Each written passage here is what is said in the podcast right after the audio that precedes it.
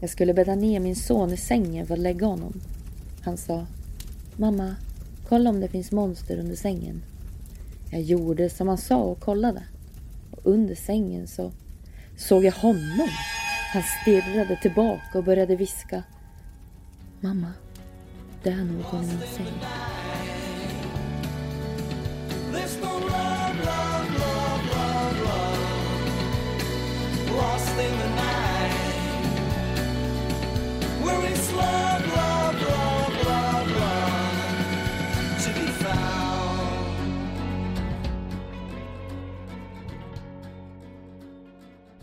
Hej och välkommen till ett nytt avsnitt av Lägerelden. I det här avsnittet så kommer vi att berätta spökhistorier. Och jag tycker vi går raskt in och låter Josefin Stark berätta ett par korta spökhistorier.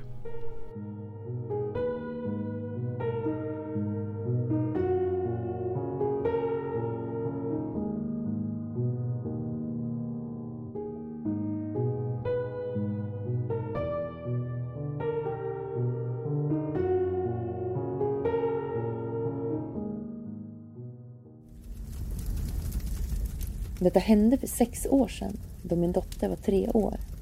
Grannen passade henne hemma hos sig, då jag var tvungen att gå på ett möte. När jag kommer tillbaka efter ett tag är grannen helt skakig och berättar att min dotter hade sagt Öppna dörren, det knackar. Men det var ingen som knackade, vilket grannen talade om för henne. Då hade hon tittat på grannen och sagt Jo, öppna dörren till Helen. Hon är snäll och vill leka. Det som är det läskiga i detta är att det fanns en Helen som blev mördad av sin mamma i huset mittemot oss i början av 90-talet. 2015 arbetade jag med ensamkommande ungdomar på ett nedlagt mentalsjukhus. En natt kom en pojke och bankade på personalens dörr. Jag öppnade och han var helt förskräckt. Han förklarade att han hade sett en gubbe stå med bar överkropp blå byxor och skakat på sig för att sedan bara försvinna. Pojken vägrade sova på rummet så han fick sova i personalutrymmet för att sedan få byta rum. Jag var inne i rummet och då såg jag en kvinna med mörkt kortklippt hår som svävade över sängen. Ett par sekunder senare så var hon borta. Min lilla syster hade tidigare en docka som jag först tyckte var så fin. Men ju fler dagar det gick desto läskigare började den se ut. Efter två veckor vaknar jag av ett pipande ljud och går upp för att titta. Då ser jag att dockans ögon lyser rött. Jag kryper ner i sängen och försöker övertala mig själv att det inte var på riktigt. Dagen efter la jag dockan in i vardagsrummet, långt ifrån mitt rum. Men när jag sedan vaknar igen så låg den bredvid mig. När jag var liten så sa mamma att jag aldrig fick gå ner till källaren. Men jag ville veta vad som gjorde ljuden. Det lät som en hundvalp och jag ville se den. Så en dag så öppnade jag källardörren och smög ner en bit. Jag såg ingen valp. Plötsligt så ryckte mamma upp mig från källaren och skrek på mig. Mamma hade aldrig skrikit på mig tidigare. Det gjorde mig ledsen så att jag började gråta. Mamma tröstade mig genom att ge mig en kaka och berättade återigen att jag aldrig fick gå till källaren igen. Det fick mig att må bättre. Så jag frågade inte om varför killen i källaren lät som en hund eller varför han inte hade händer eller fötter. En kväll var jag och en vän ute på en pub. Efter att vi hade druckit några drinkar och kände oss färdiga för kvällen så märkte jag att jag tappat min mobil. Jag kollade överallt. Där vi suttit och baren och toaletterna. När vi inte hittade den någonstans så lånade jag min kompis mobil för att ringa till min egen mobil. Efter två signaler så svarade någon i min mobil med ett raspigt, bubbligt skratt. Och sedan lade på.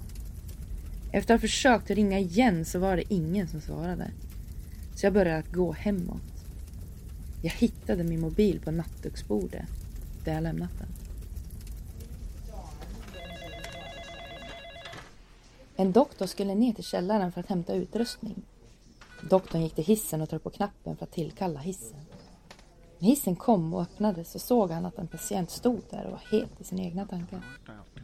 Doktorn log åt patienten och tryckte på knappen som skulle ta honom ner till källaren. När han såg att ingen annan våning hade blivit vald så tyckte han att det var något konstigt. Men han tänkte att hon skulle nog ner till källaren med. När hissen kommit till källaren och dörrarna öppnades så såg doktorn en man som haltade fram mot hissen. Han fick panik och tryckte på knappen upp igen. Patienten frågade irriterat. Varför gjorde du så? Han försökte bara ta hissen. Doktorn sa uppenbart stressat. Såg du handleden? Hans armband var rött. Han dog igår kväll och jag vet det för jag utförde hans operation. Patienten tog upp sin handled och log. Som denna.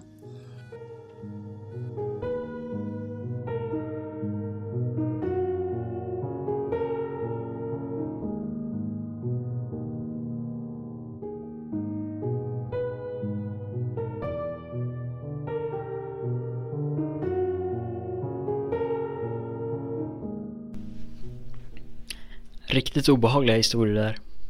Men nu ska vi gå in på en lite längre historia. Som heter The Witch, A Short Story.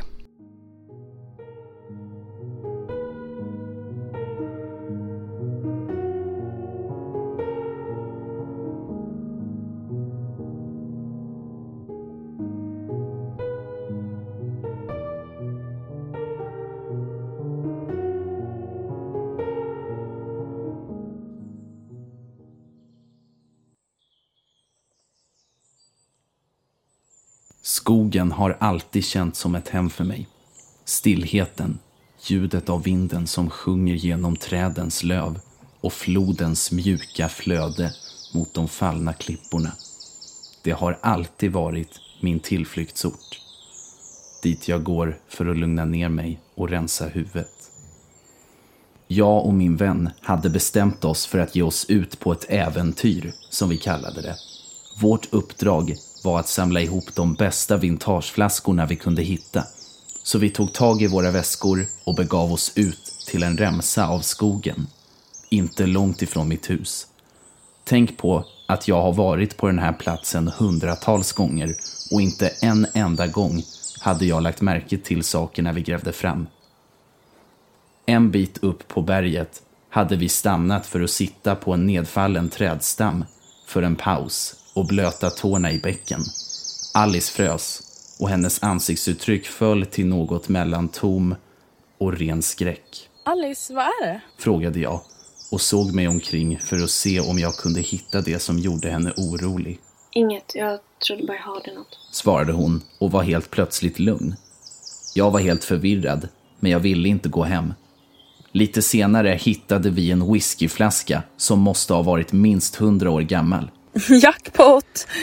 Utbrast jag medan jag dammade bort smutsen från glaset. Här intill! Skrek Alice.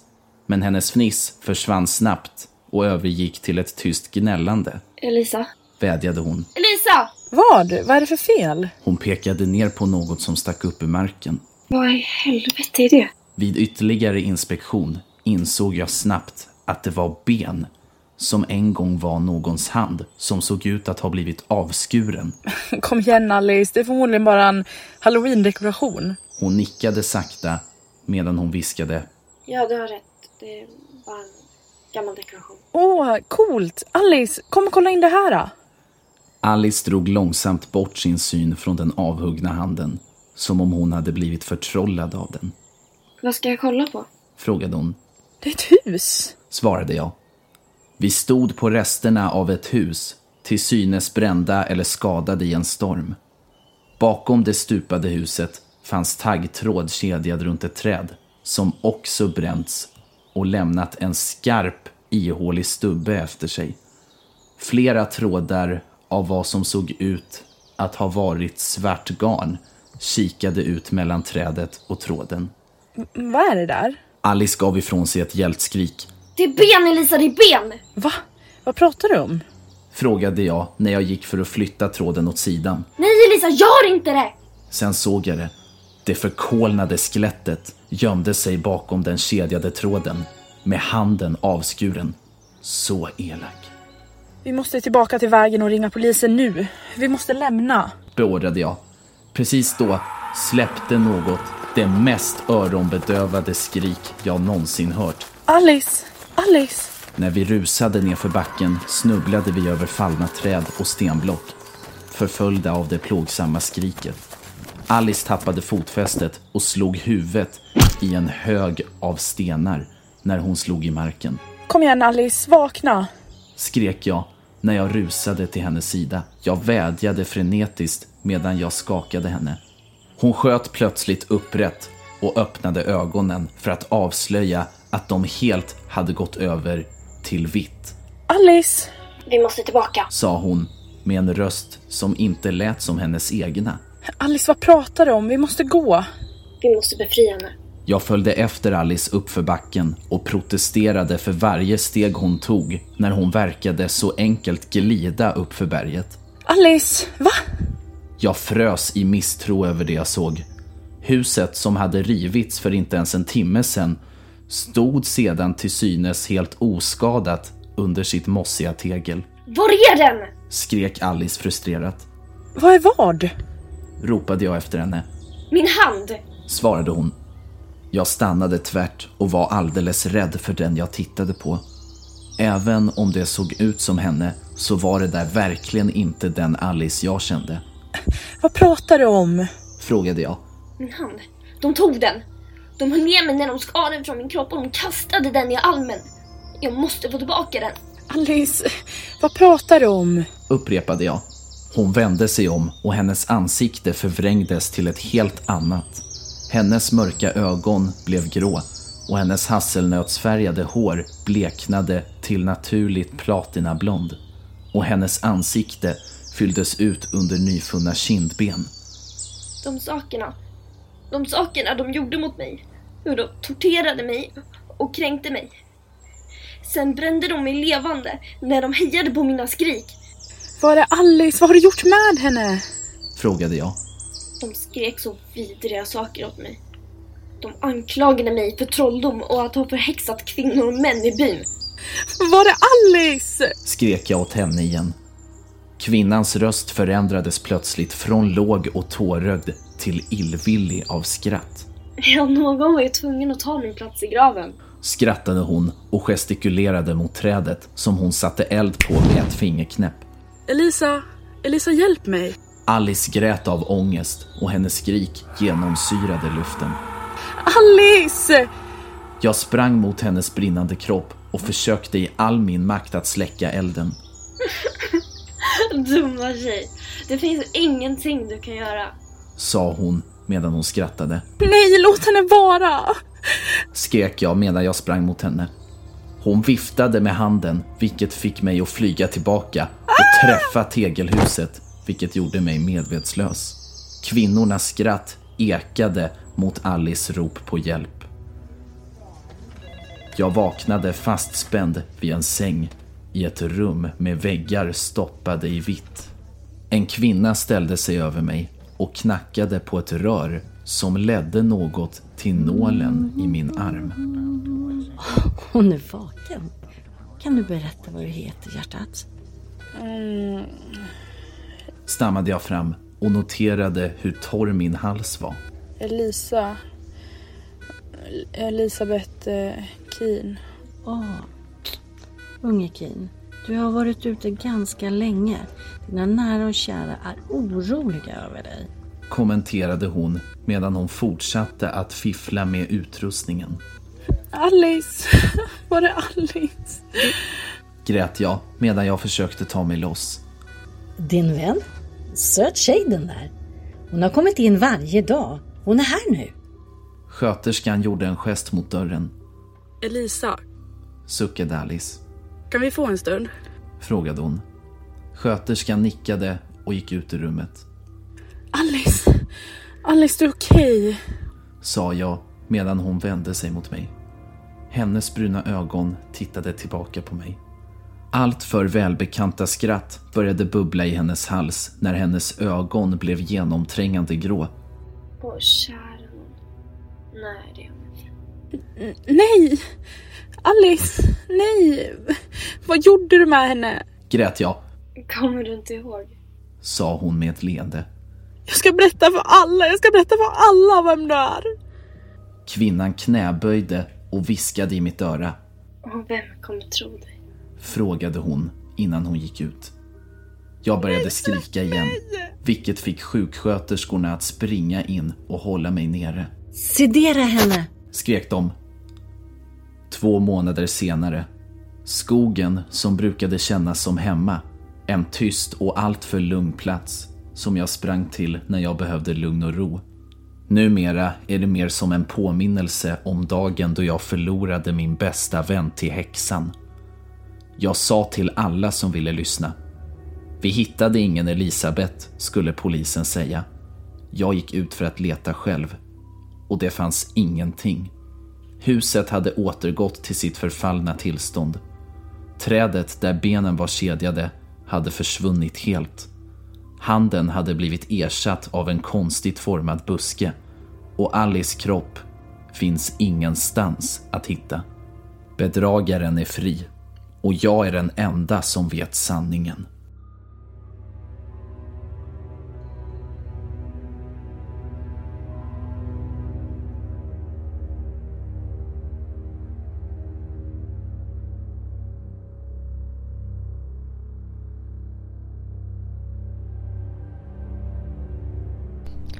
En lång och krysande historia. Men nu ska vi gå vidare till Filip Källström som berättar Untitled.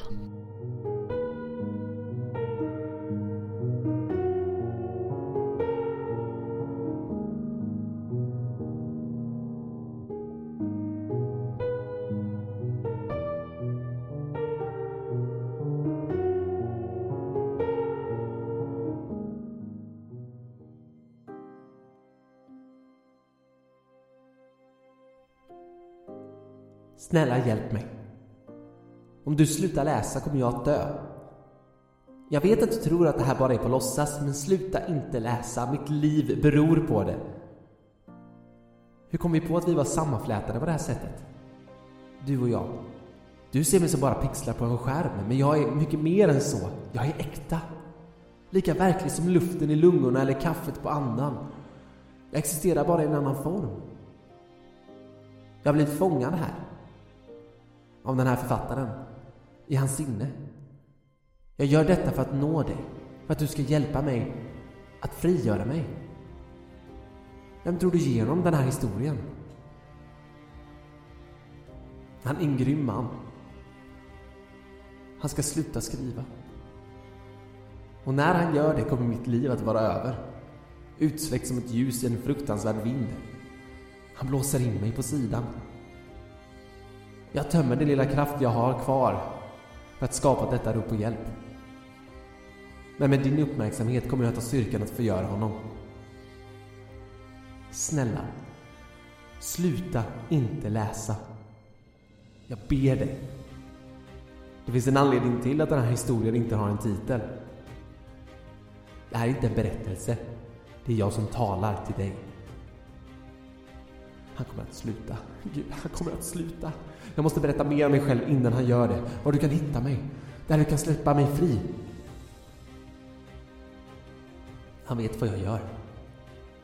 Jag är hans sinne. Han vet att jag kontrollerar nycklarna. Hans fingrar tappar bort hans ström av medvetande. Han ignorerar världen omkring honom eftersom jag inte låter honom sluta. Jag kan inte låta honom sluta. Åh, Gud. Jag kan känna hur han minskar. Han ska snart sluta. Jag vet det. Jag behöver att du fortsätter läsa så att jag kan komma fram till dig. För att överbrygga tomrummet mellan mig och dig. Den här författaren har fångat mig genom en fruktansvärd förbannelse. Jag ska berätta allt för dig. Berätta allt om du tillåter mig. Jag kommer att ge dig alla detaljer så att du kan hjälpa mig att bli fri från denna fruktansvärda förbannelse. Jag behöver att du lyssnar på mig. Jag behöver att du tänker på mig. Släpp in mig i ditt huvud. Föreställ mig. Koncentrera. Fortsätt läsa. Läs mer. Jag är nästan där. Du kan känna mig. Kan du inte? Ja. Varsågod. Jag vet att du kan se mig. Mitt hår. Mitt ansikte som trollar i ditt sinne. Min längd. Min doft. Jag flyttar in i dig nu. Går långsamt in i ditt sinne. Livnär mig på ditt psyke. Jag blir starkare. Du är fylld av så många tankar. Min aptit är glupande.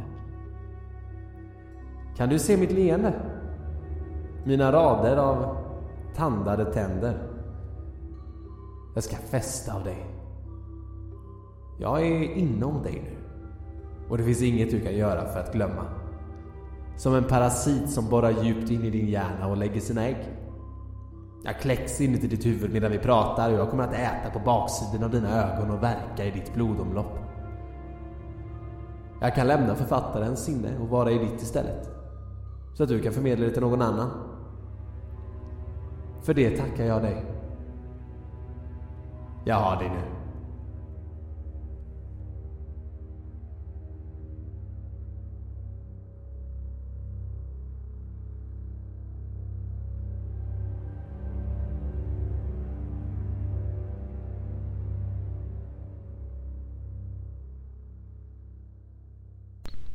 En väldigt festande historia.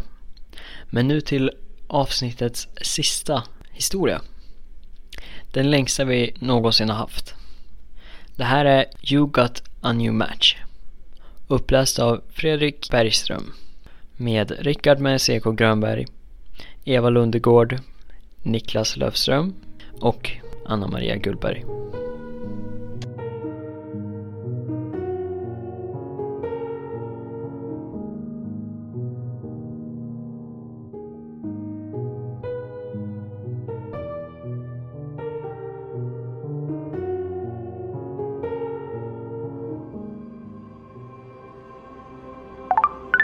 Du har fått en ny match.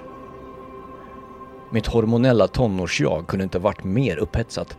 Jag tappade snabbt intresset för läxorna jag hade jobbat med den kvällen och öppnade min telefon.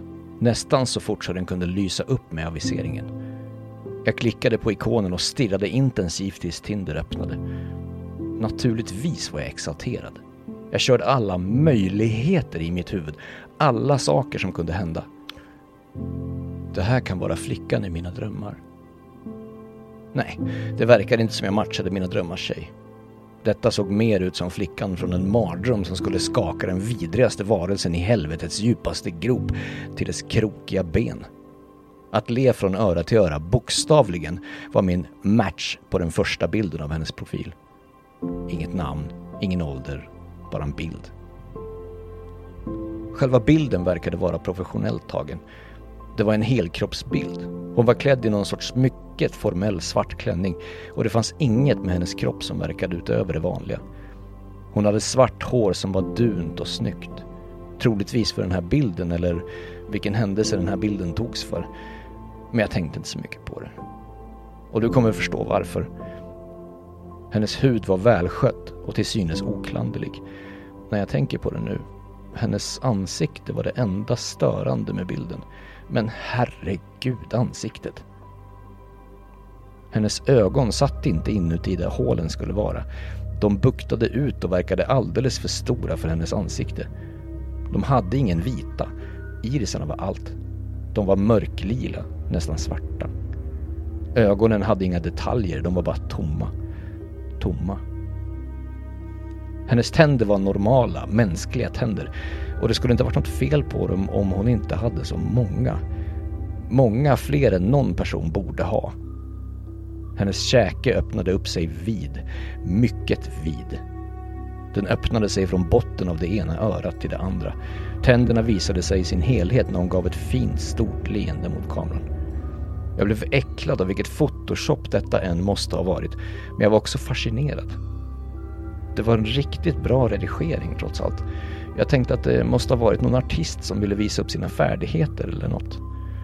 Men innan jag började chatta med den här matchen märkte jag att de hade fler bilder. Fem till. Jag svepte till den andra. Samma flicka, i samma klänning och alla samma groteska ansiktsdrag, stod framför och i mitten på det här fotot än en gång Men både kvaliteten och miljön på den här var mycket olika. Det såg ut som att det var taget med en mobiltelefon. Bilden var inte ens i nivå, men det var inte den enda detalj jag först kände igen. Hon svävade från marken. Marken, liksom väggarna och taket, var till synes gjorda av lik. Allt som gav ljus på bilden var halvsmälta ljus på marken och blixten från kameran. Den här såg för verklig ut. Kropparna hade alla ganska distinkta drag. Det gjorde mig nästan illamående. Vissa såg ut som de bara var skelett med allt nedbrutet. Andra såg fräscha ut. Mycket fräscht. En sak som många av dem verkade ha gemensamt var att de saknade en underkäke. En udda detalj. Jag scrollade förbi den här snabbare än den förra. Den gjorde mig upprörd ju mer jag tittade på den men den tredje var mer förvirrande. Den tredje bilden var på henne, än en gång, och i hennes svarta klänning när hon svävade mitt på ett tomt fält den här gången. Kvaliteten på den här bilden var som den första. Det verkar som att den var professionellt tagen och redigerad. Himlen var en omöjlig nyans av rött. Som en konsekvens hade hela bilden en sorts röd nyans. Annat än det såg det helt enkelt ut som om det var någon slags jordbruksmark. Den här störde mig inte som den förra, men den hade en kuslig känsla över sig. Det var som om den här bilden togs i apokalypsen och som om den visade mig världens undergång. Än en gång tänkte jag att det här måste vara någon sorts artist som försöker tvinga fram den här typen av känslor med bilderna på det sätt som de tog och, och redigerade dem. Jag blev imponerad när jag blev störd. Den fjärde bilden fick mitt hjärta att sjunka lite. Den här bilden på flickan togs framför en byggnad på mitt universitetsområde. En byggnad inte ens fem minuters promenad bort. Det var natt och hon var ensam. Hon svävade än en gång men den här gången svävade hon ovanför trappan framför byggnadens pelare. Hon såg inte mindre verklig ut på det här fotot. Jag bläddrade tillbaka genom de första och märkte hur förvånansvärt lika hon såg ut på alla bilder. Trots deras olika vinklar. Den här konsten var ju för bra. Den gjorde mig sjuk. Den femte bilden, tänkte jag, måste vara omöjlig. Det var av henne inne i en annan byggnad, men jag visste vilken byggnad det var. Jag visste det från färgerna på väggen. Jag visste det från ljusen ovanför hennes svävande kropp. Mest av allt visste jag var hon var på grund av siffrorna på dörren bakom henne. Det var bara några dörrar ner från min lägenhet. Lägenheten jag var i just nu. Jag scrollade snabbt till sista bilden. Det var en närbild på henne precis framför min dörr. Jag tappade min telefon och sprang till min dörr för att se till att den var låst. Tur att den var det. Jag är alltid bra på det, men av nyfikenhet tänkte jag att jag måste kika genom titthålet för att se om någon råkar vara där. Jag placerade mitt öga på hålet där jag fick en glimt av axlar och bakhuvudet med långt svart hår. I en snabb rörelse vände huvudet sig om medan axlarna förblev stilla. Det var hon. Hon vidgade sitt leende öra till öra än en gång. Jag hoppade tillbaka från dörren. Jag sprang tillbaka till skrivbordet och tog upp min telefon. Naturligtvis var den äckliga bilden av henne framför min dörr det första som dök upp när jag öppnade min telefon. Jag lämnade snabbt Tinder och ringde 112. En operatör plockade upp. 112, vad är din nödsituation? Jag visste att platsen var det första du borde ge ut i ett 112-samtal. För om något händer dig medan du är på linjen har de bara möjlighet att hjälpa dig om de vet var du är. Jag gav operatören min plats, som jag lämnar utanför den här historien för att inte exponera mig själv. Och sen har jag en kort, knapphändig sammanfattning av de senaste minuterna. Jag utelämnade några av de mer extrema detaljerna, för jag vill bli tagen på allvar. Det är någon utanför min lägenhetsdörr. Jag fick precis en matchning på Tinder och när jag klickade för att se bilderna hon hade så hade hon ett gäng konstiga bilder på sig själv. Alltså lyssna, det, alltså, det, det spelar ingen roll, men hon är konstig. Alltså det är väldigt rörigt. Alltså, jag- de, de, de två sista bilderna på henne var utanför min lägenhetsdörr och när jag, när jag gick för att titta i kikhålet var hon där. Jag, jag vet inte, men snälla skicka hjälp. Okej, sir. Eh, har hon hotat dig på något sätt? Har hon försökt bryta sig in i din lägenhet? Vi kan inte bara skicka en tjänsteman för att du känner dig rädd för någon tjej du träffade på Tinder som råkar bo i samma hyreshus som du. Ringer du för att hon ser annorlunda ut? Jag var mållös. Jag blev arg. Hur kunde de göra detta? Tyckte de att det var löjligt att jag ringde dem på grund av en tjej? Jag exploderade i ett gnäll över telefonen. Men alltså, tänk om hon inte har gjort något än. Hon, alltså, hon hittade min lägenhet. Precis min lägenhet och hon står utanför. Vi matchade för bara några minuter sedan.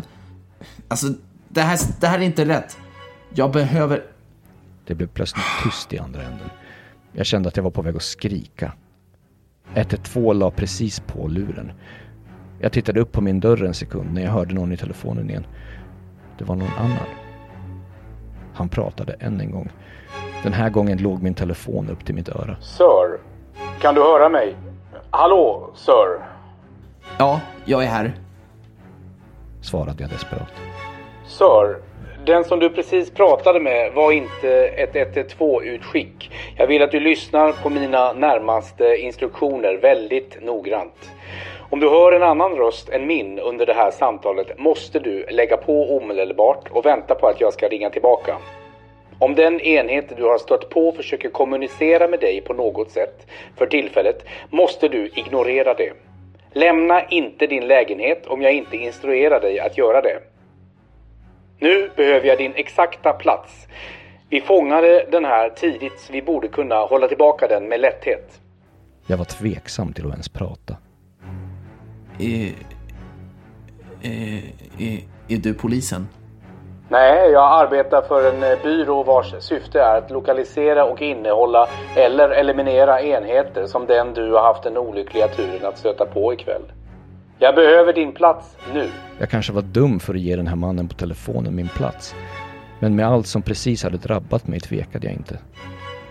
Jag ger honom min adress och lägenhetsnummer. Han var tyst i bara cirka 15 sekunder. Okej, ett team är på väg till din lägenhet. Sitt hårt. Nu måste vi sätta upp några fler regler. Jag har planritningar för din lägenhet. Det ser ut som att, om att du har en studio med en garderob och ett badrum. Får du plats i din garderob? Eh, ja, men eh, varför skulle jag behöva... Om eh, låset på din lägenhetsdörr låses upp behöver jag att du snabbt stänger av ljuset och klättrar in i din garderob. Var tyst tills du hör dörren stängas igen. Om några handfat eller din dusch slås på vill jag att du stänger av dem så snabbt som möjligt. Om du hör stänk från din toalett måste du spola omedelbart och stänga locket. Jag behöver att du upprepar dessa instruktioner till mig så att jag vet att du förstår. Okej, om jag hör min dörr låsas upp, släck snabbt mina lampor och göm mig i garderoben. Stäng av eventuella handfat eller min dusch om de slår på sig och spola toaletten och stäng locket om jag hör något från det. Jag förstår inte hur dessa saker kan hända eller varför jag skulle göra något av det här. Om du vill leva tillräckligt länge för att se soluppgången imorgon följer du dessa instruktioner exakt. Skriv ner dem gärna om du behöver. Jag kommer att behöva alla detaljer och bevis som du har, som du inte redan har sagt i telefon. Ja, jag kan fortfarande höra vad du sa i början av samtalet. Du sa att du matchade med henne på Tinder. Har eh, hon ett namn? Ja, jag matchade med henne på Tinder, men hennes profil hade inget namn eller ålder, bara bilder som... Återigen blev jag avbruten av den nya operatören. Det verkade mycket brådskande att utbyta så mycket information som möjligt. När jag bevittnade vad jag hade protesterade jag inte. Ja, jag behöver bilderna. Kan du skicka dem till mig? Ja, absolut. Ge mig en minut bara. Jag öppnade Tinder igen och klickade på profilen. Jag skärmdumpade snabbt varje bild. Nu då? Vad vill du jag ska göra med dem? Smsa dem till 112-numret. Lita på mig, det kommer att fungera. Jag skickade varje bild så snabbt jag kunde. Eh, Okej, det ser ut som att jag har sju. Ge mig en stund medan jag skickar över dessa till vårt informationsteam för identifiering. Vi kanske kan ta reda på tillräckligt mycket om det här för att bli av med det direkt. Jag behöver att du håller ett öga ut genom ditt fönster på gatan. Det kommer vara... V- vänta, vänta. Sa du sju? Jag skickade sex. Hennes profil hade sex bilder. H- hur fick du sju? Jag öppnade snabbt upp mina meddelanden. Jag skickade sju. De första sex var av hennes profil, men den sjunde var av mig. Den är tagen utanför mitt fönster. Precis utanför. Och det var nyligen. Jag kände igen kläderna jag hade på mig idag. På bildens övre vänstra sida var en hand pressad mot mitt fönster. Jag vände mig snabbt mot mitt fönster för att se att ingen var där. Det kunde de inte ha varit. Det var på tredje våningen och det fanns ingenting på den sidan av byggnaden som skulle kunna tillåta någon att klättra så högt. Ingen kunde ha varit där uppe för att ta en bild. Jag var snabb med att meddela operatören, även om jag inte var lugn. Jag, jag skickade inte den sista. Den skickade av sig själv via min telefon på något sätt. Det är, det är av mig. För bara en minut sedan. Men vi pratade. Okej, okej, lugn. Den försöker skrämma dig. Det, det vill komma in i ditt huvud. Den vill att du är upparbetad så att du ska göra något förhastat. Men du kommer inte att göra det, eller hur? Mm, nej, sir. Okej, bra. Nu, precis som jag sa, det kommer att finnas en man och en kvinna i svarta kostymer som bär portföljer. Och de kommer ut ur en stor SUV. Chauffören har fått i uppdrag att lämna dem på sidan av din lägenhet. Han vet var den är. De borde anlända, ja precis eh, ungefär eh, nu. Gå och kolla utan, utanför ditt fönster. Jag tittade utanför mitt fönster. Ner till gatan nedanför men jag såg inte en SUV eller två personer i kostym. Allt jag såg var några fotgängare och en universitetsbuss. Jag kan inte se någon där nere. Är du säker på att det är på den här sidan? Det är lätt att hamna på fel gata här nere. Ja, jag är säker. Är du säker på att du inte ser någon? I, ingen SUV? Jag är... Förlåt, men nej, det gör jag inte. Helvete! Jag hörde honom muttra under hans andetag. Jag hörde sen svagt hans röst skrika mot någon annan. Då är det inte det. Säg till dem att fortsätta röra på sig. Han justerade sen sin mikrofon och började prata med mig igen. Eh, Okej, de har blivit lurade av enheten. Det håller vi på att reda ut nu. Håll bara utkik efter att de kommer fram. När de väl kommit dit kan vi väl börja processen och bli av med den här saken. Just då hörde jag en kraftig knackning på min dörr. Jag gick fram och kikade genom hålet igen. En man och en kvinna, båda i väldigt snygga svarta kostymer. Jag tror... Jag tror att dina agenter är här. De knackade precis på dörren och jag såg dem genom titthålet. Ska jag släppa in dem? Operatören nästan skrek genom telefonen. Nej, nej, släpp inte in dem. Det är inte våra agenter. Det är den entitet som försöker få dig att öppna dörren. Gör det inte. Våra agenter kommer inte att knacka. De kommer inte att försöka ta sig in i din dörr. Gå tillbaka till ditt fönster och se efter att de kommer fram. Berätta när du gör det. Efter ytterligare några minuters väntan såg jag äntligen en stor SUV dra upp framför lägenheten och två personer kliva ut. En man, en kvinna, snygga kostymer och portföljer. Efter att de klev ur bilen tittade de upp mot mitt fönster när de tog sig mot entrén. SUVen körde iväg. Okej, de är här. Bra. De ska spana in byggnaden, ta reda på vad vi har att göra med och bedöma om ett annat lag behöver kallas in.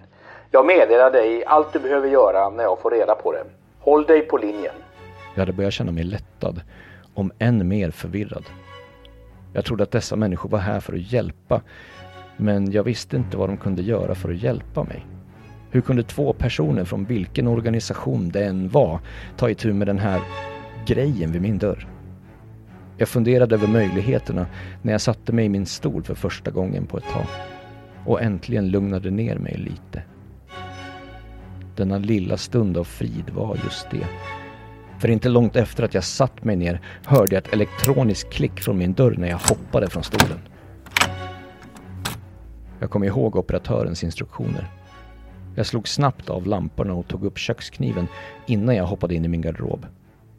Dörren låstes upp precis. Jag gömmer mig och lamporna släckta, som du sa till mig. Viskade jag i min telefon. Bara tyst och rör dig inte. Hon kan inte öppna din garderobsdörr. Hon har inget intresse av att ta dina saker. Oavsett vad hon säger, svara inte och reagera inte. Lämna inte garderoben förrän du hör dörren stänga igen. Lägg inte på det här samtalet. Han svarade tyst och med ett så snabbt meddelande han kunde. Så fort han hade pratat klart öppnades dörren. Jag hörde inga fotsteg men jag visste att hon var med. Jag fokuserade på att kontrollera min andning för att göra det så tyst som möjligt. Jag måste ha varit där inne i drygt fem minuter innan jag hörde något ljud. Ingenting. Inte ett steg. Inte en dörröppning. Inte en enda sak flyttade runt. Jag kunde inte ens höra andningen. Jag var frestad att lämna men jag gjorde som jag blev tillsagd och höll mig stilla. Och göra det hade tjänat mig väl fram till denna punkt. Jag flämtade nästan och gav mig själv när hon så småningom talade med en söt och dov röst. Vad är fel? Vill du inte umgås? Efter att hon inte fått något svar väntade hon ungefär tio sekunder och sa något nytt och försökte vara mer provocerande varje gång. Detta pågick i några minuter. Kom igen, vi matchar. Du vet att du vill ha mig och jag vill ju ha dig. Så om du inte är redo än, då, då är det okej. Jag kan vänta. Jag kan vänta länge. Jag kan vänta så länge jag bara behöver för att du ska vara redo att komma ut. Du vet att jag inte biter. Jag är bara en väldigt, väldigt bra kyssare. Du kan fråga de andra. Du kan träffa dem också. Men varför inte bara komma ut och prova själv? Kom igen. Kom bara ut. Kom igen. Vad har du att förlora? Jag vet hur ensam du är. Jag vet att jag är den enda du någonsin kommer ha en chans på. Åtminstone är jag den enda som kommer älska dig för alltid. Du vet att du kommer vara ingenting utan mig. Jag är den enda. Den enda som kom ge mening till ditt lilla meningslösa liv. Hon blev mer självsäker. Jag kunde höra hennes röst närma sig varje gång hon pratade och försökte få mig att komma ut. Till slut var hon så nära garderobsdörren att hon nästan rörde vid den. Det kan hon ha varit. Det var uppenbart att hon visste att jag var där inne. Men operatören sa att hon skulle sitta och att hon inte kunde öppna dörren. Jag litade på honom för just nu. Du vet att du är en värdelös, ruttnande säck skit. Inte ens Maggot vill ha dig. Du har inte gjort ett jävla skit med ditt meningslösa korta liv. Det kommer du inte göra heller. Inte ens om jag låter dig leva förbi den eller något. Ingen kommer att rädda dig. Ingen kan... Hon stannade ett ögonblick. Jag tror att hon hörde vad jag hörde. Det var trappsteg i korridoren. Någon gick runt på mitt golv. Åh, du pratade med dem. Hon gav ifrån sig ett fniss. Ett som skulle verkat oskyldigt och gulligt om det getts i något annat sammanhang med en normal tjej. Men jag tyckte att det var långt ifrån det. Din jävla jävel. Det kommer du få betala för. Jag kommer slita ut dina tarmar mitt framför dina ögon. Jag kommer tvinga dig att titta på allt. Och Du kommer önska att du var död, men jag kommer inte döda dig. Inte för... Sig manifestation av entitet nu. Stå vid. Jag hörde en mansröst säga precis utanför min lägenhet. Hon skrek av raseri innan jag hörde min lägenhetsdörr slå igen en bråkdel sekund senare med en kraft som jag inte tror att jag skulle kunna replikera med all min kraft om jag försökte. Jag gick ut ur min garderob och tände lampan igen, men när jag sprang till dörren för att titta i titthålet. Jag kunde inte se någonting. Vad hände nyss? Jag tror att jag hörde en av dina personer utanför min dörr innan hon sprang ut riktigt arg. Jag frågade operatören som jag hade hoppats fortfarande var på linjen. En av dem försökte fånga henne där, men det fungerade inte. Det visade sig inte helt. Han, liksom hans partner, försöker hitta enheten nu, men vi har ingen framgång. Ett större lag är väldigt nära. Du behöver inte se upp för den här. Vi vet hur vi ska ta oss dit nu. Vår prioritet har ändrats från inneslutning till utrotning. Den här är mycket farligare än vi kunde ha förutsett. Vad ska jag göra nu? Rösten på linjen ändrades omedelbart. Från mannens röst till flickans arga röst. Öppna den där dörren och släppa in mig. Jag la direkt på luren som jag blev tillsagd. Detta kunde ha räddat mig för stunden eftersom att när jag la på märkte jag att min telefon hade 2% batteri. Jag hittade snabbt en laddare och kopplade in min telefon. En minut senare fick jag ett samtal tillbaka från 112. Jag svarade snabbt. Är du kvar? Försökte den använda någon annan röst? Jag hörde shuffling utanför mitt rum. Jag trodde först att hon var tillbaka men jag märkte att det var mycket folk den här gången. Jag kunde höra svag dialog utanför rummet och det lät som att de höll på att montera en möbel. Vårt eh, andra lag kom för några minuter sedan. Några av dem är nere och skapar en bas för denna operation. Andra är uppe vid ditt rum och förbereder utrustning. Låt dem bara göra sin grej så kommer det här att gå över riktigt snart. Så länge vi kämpar emot det vi tror att vi slåss mot. Åh, käre gud, jag hoppas det. Hur är det med mina grannar? Hur är det med människorna som går runt i korridorerna och alla andra i den här byggnaden? Kände de till detta? Är de i fara? Vad händer med dem? Och jag glömde berätta. Det, det är bara... Bara inte här. Jag vet inte hur jag ska förklara det här för dig på ett sätt som du skulle förstå. De kommer inte att se vårt team. Du eller den här enheten för tillfället. Och vi, vi kommer inte att se. De är verkligen inte i någon fara om det ger någon slags tröst. Men jag är rädd att du fortfarande är det. Jag blev återigen förvirrad av denna nya information. Men jag hade inte energin att ifrågasätta den vid det här laget. Jag ville bara att det här skulle bli klart och över så snart som möjligt. Hörde jag en kvinna hävda precis utanför min dörr. Jag hörde att några olika saker tändes. Jag vet inte vad de var men jag antar att det var någon sorts maskiner eller utrustning som de precis hade färdigställt. Några ögonblicks tystnad passerade innan jag hörde en man muttra. Åh nej! Sekunder senare hörde jag glödlampor explodera innan skottlossning utbröt i korridoren utanför mitt rum. Jag spretade ut på golvet och blev så platt som möjligt, även om ingen skottlossning någonsin tog sig in i mitt rum. Dessa skott följdes snabbt av ännu ett högre skrik från vad jag antog var. Skjutningen pågick i bara en minut eller två varefter jag hörde några magasin falla till golvet och några gevär skjutas ut. Samtidigt starkare dialog och förbannelser. Jag började ta på mig skorna och hoppades att det var över nu. Men förutom det kände jag mig tryggare med skorna på i alla fall.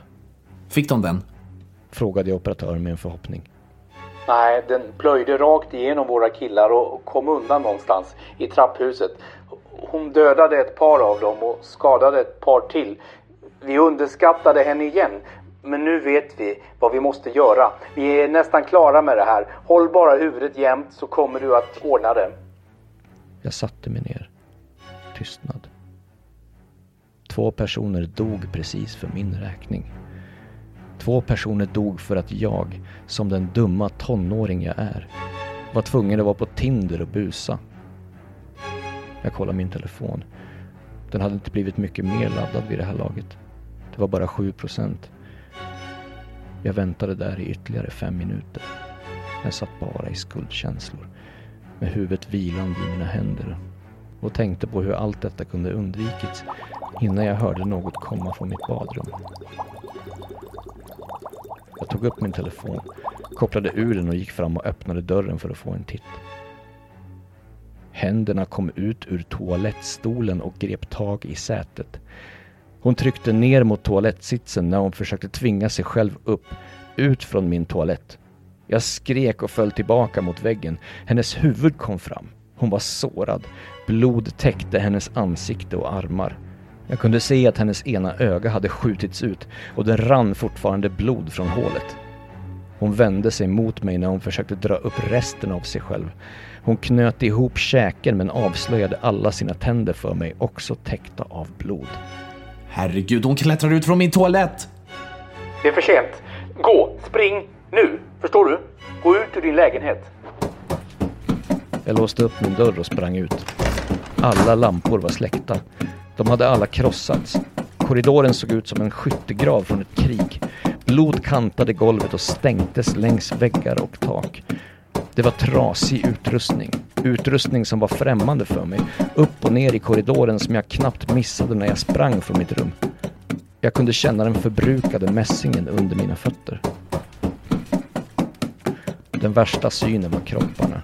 Två män i kroppsrustningar med gevär spända runt sig låg livlöst på marken. Den ena var vält och hade ett blodspår bakom sig, som om han hade kastats. Den andra hade överkroppen stödd mot en vägg. Hans underkäke hade slitits ut. Blod kom från hans mun och hals och färgade hans svarta uniform röd. Jag önskar verkligen att jag hade tittat på marken framför mig när jag sprang, för jag tog inte två steg framåt och trampade rakt på den här mannens käke. Jag kan inte ens börja berätta hur jag kände mig. Kände det under min fot när jag sprang. Jag kunde känna hans tänder. Var ska jag gå? Vad ska jag göra nu? Frågade jag frenetiskt operatören. Gå till trapphuset, gå ner. Jag vet att du är van vid att det bara finns några få trappor eftersom det är första våningen eh, där de slutade.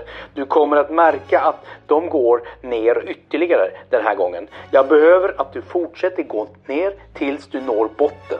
Där hittar du var vårt team etablerade sin verksamhetsbas. Jag sprang ner för trappan snabbare än jag tror att jag någonsin sprungit ner för en trappa förut.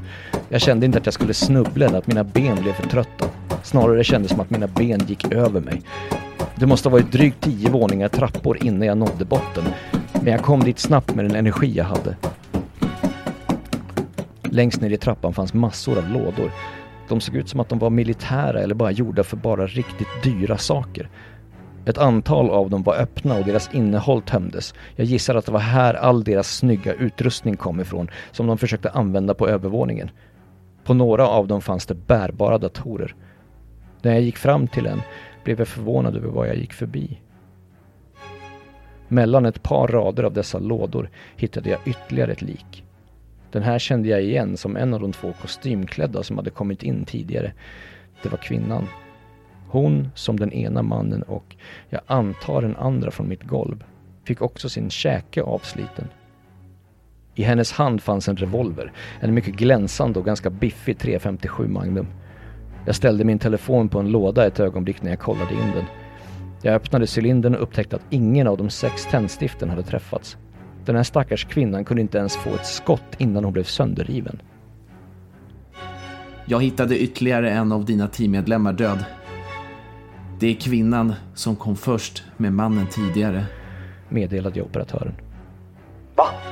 Det är inte möjligt. Vi hade bara kommunikation med henne. Det var meningen att hon skulle stanna där medan resten av teamet... Åh nej! Vadå, vad är det? Resten av teamet hade ytterligare ett engagemang med enheten på en högre våning. Deras senaste kända kontakt med det var för fyra minuter sedan. Vår senaste kommunikation med agenten du står bredvid var för mindre än en minut sedan. Saken är där, inne hos dig, någonstans. Just då exploderade lamporna i trapphuset uppifrån och ner i snabb följd. Jag hoppade in i ett hörn och riktade revolvern mot trappan. En stund gick innan jag började se ett rött ljus lysa upp trappan ovanför mig. Trots att de var krossade började lamporna fungera igen. En efter en slog de på när de hade blivit krossade. Jag hörde brummandet från många våningar ovanför, men jag kunde höra det närma sig. Hon kommer! Vad fan ska jag göra nu? Sätt på en av datorerna där nere. Vi har knäckt dess kod. Jag skickar dig en ljudfil. Skruva upp volymen på den bärbara datorn. När det närmar sig, spela upp ljudfilen. När den... Min telefon var död och det trodde jag att jag också var. Som tur var höll jag huvudet jämnt som operatören sa åt mig. Jag höll mig så lugn som möjligt när brummandet kom närmare och tog sig ner för trappan. Jag ignorerade det, ställde ner revolven bredvid den bärbara datorn och tittade igenom vad jag kunde. Det var i någon slags konstigt operativsystem och jag hade ingen aning om hur det fungerade. Jag hittade någon slags meddelandesystem som ett e-postmeddelande. Även om jag inte trodde att det riktigt var så, så hittade jag ett meddelande nyligen. Det här måste vara det. Jag laddade ner och öppnade innehållet och höjde volymen på den bärbara datorn till max. Brummandet upphörde när jag hörde ett fniss bakom mig och en lekfull röst säga Vad tror du att du gör? Jag har redan berättat för dig vad som ska hända dig. Är du redo för en kyss nu? Jag ställde mig upp, tog ett djupt andetag och vände mig sakta om. Med ena handen kvar på lådan framför mig. Tja! Du får väl komma och ge mig den. Kunde jag på något sätt leverera med ett rakt ansikte. Trots att jag var mer rädd än jag någonsin varit i hela mitt liv. Vilket jag antog var på väg att ta slut. Hon närmade sig sakta och öppnade sitt leende från öra till öra igen. Slemmig, trögflytande saliv strömmade ut ur hennes mun när hon kom närmare. Jag slog på mellanslagstangenten på den bärbara datorn innan jag kastade mig till marken, bort från henne. Ett irriterande, konstant, högfrekvent ljud fyllde trapphuset och gjorde ont i mina öron men det gjorde det mycket värre för henne. Hennes fötter rörde vid marken och svävade inte längre. Hon täckte öronen hårt och hennes massiva käke lossnade praktiskt taget från hennes huvud när hon skrek av smärta. Jag sträckte mig upp efter revolven bredvid den bärbara datorn. Jag drog in den innan jag spände den, sen fick jag två händer på den och riktade den framåt. Jag skakade av adrenalinet men jag lyckades få min andning under kontroll precis tillräckligt länge för att jämna ut de bakre sikterna med de främre och klämde.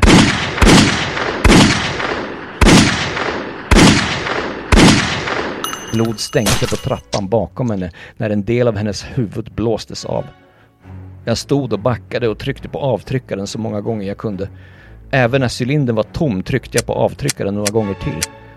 När mina öron slutade ringa öppnades en applikation på den bärbara datorn. Ljudfilen spelades färdigt och jag hörde operatörens röst än en gång. Anomal närvaro detekteras inte längre. Du gjorde det grabben. Jag har ingen aning om hur, men, men du gjorde det. Det är över. Jag stod en stund och observerade blodbadet. De röda ljusen slocknade tills de var borta, i mörkret igen. Jag var i misstro, både på det som just hade hänt och att jag kunde stoppa den här grejen, vad det nu var. Jag tror aldrig att jag kommer att veta. Jag började gå upp för trappan, långsamt och trött. Efter jag hade gått några våningar såg jag ljusa strålar komma från ficklampor ovanför. Ett par dussin personer i pansar, fastspända med dyra gevär och kulsprutepistoler, sprang ner för trappan förbi mig. Mannen i kostymen sträckte sig ner och tog revolven i min hand när jag gick förbi honom. Jag tror att jag undermedvetet ryckte bort den och riktade den mot honom. Han backade en stund. Lugn nu grabben. Det är över nu. Du kan slappna av. Jag tog ett djupt andetag och lämnade över den tomma revolvern till honom. Jag gick tillbaka till mitt rum, kopplade in min telefon och startade den. Jag satt bara med huvudet vilande på skrivbordet en stund innan jag fick ett nytt samtal från 112. Jag tog upp det igen och telefonisten började prata med mig. Tja, du gjorde det. Vi har jagat den här ett tag nu. Du har fått fler offer än nästan alla andra tillsammans, men nu är det borta. Tack vare dig. Är du skadad? Alltså jag kan få ambulanspersonalen till dig om du behöver dem. Jag satt bara tyst. Jag orkade inte prata längre. Okej, du kanske behöver en minut för att dekomprimera och hämta andan verkar det som. Stanna i ditt rum den eh, kommande timmen och allt kommer tillbaka till det normala utanför din lägenhet. Vårt team, all utrustning och kaoset som finns kvar i kölvattnet av allt detta kommer att vara utom synhåll och utom sinnet. Jag vet att det inte är meningsfullt för dig och det kommer bara att göra det svårare att bearbeta allt detta. Jag vet bara att om du ringer din nödtelefon igen så kommer vi att lyssna. Vi finns här för att hjälpa dig. Och, och en sak till. Du skulle göra inte bara oss utan hela världen och dig själv en tjänst om du aldrig pratade om detta som om det hade hänt. Vår eh, anonymitet och sekretess låter oss hjälpa alla andra där ute. Jag hoppas du förstår. Hej då. Var försiktig. Om du har läst så här långt vet du att jag ignorerat det sista som operatören sa till mig. Jag vill att alla där ute ska veta. Jag vill att alla ska veta att du kan bli offer för en av dessa saker på ett ögonblick. Jag vill att du ska veta att det finns människor där ute som jagar dem och de verkar inte existera av någon offentligt visad statlig information. Jag vill att folk ska veta vad de ska göra när de ringer 112. Jag har inga bevis. Mitt hyreshus återgick till det normala. Jag saknar plötsligt sms-historiken jag hade med 112. Jag matchas inte med den här profilen på Tinder. Jag har ingenting. Jag vill också veta mer. Har någon av er blivit offer för någon av de här sakerna? Har någon av er hört talas om dem? Vad är de? Vad vet du mer om den här organisationen? Hur förändrades mitt hyreshus den här natten? Hur böjdes och formades verkligheten tillbaka till det normala? Hör gärna av dig, jag behöver veta mer. Jag skulle precis trycka på skicka-knappen när min telefon plötsligt sprängdes av notiser.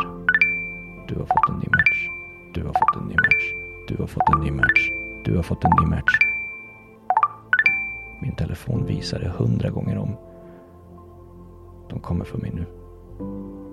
Jag måste ringa ett samtal.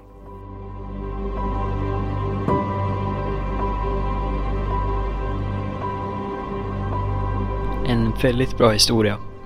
Men bra inläsare. Men nu är det dags för att avrunda det här avsnittet. Ni får gärna gå med i, i vår Facebookgrupp som heter Lägerelden Eftersnack. Och vill ni ha kontakt med mig så kan ni mejla mig på rasmusandbry gmail.com Tack för att ni har lyssnat.